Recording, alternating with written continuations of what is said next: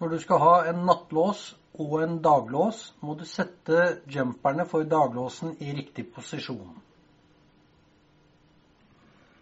Den øverste jumperen her bestemmer om du skal ha reléfunksjon, 24 volt DC eller 12 volt DC.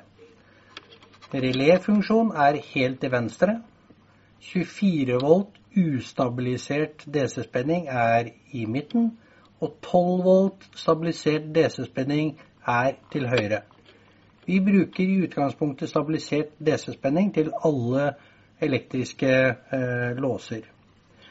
Relé eller jumper nummer to den forteller om det skal være spenning eller reléfunksjon.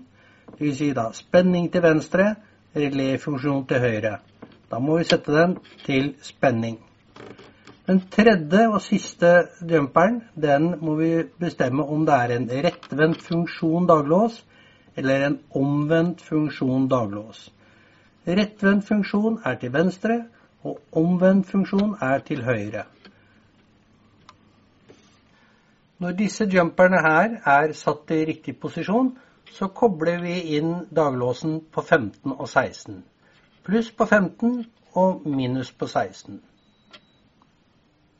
Dersom du har koblet en nattlås og en daglås, skal åpningssignalet for daglåsen og adgangssystemet komme inn på 11 og 12, og åpningssignalet for nattlåsen fra en alarm skal inn på inn 1 og 0 volt på venstre side.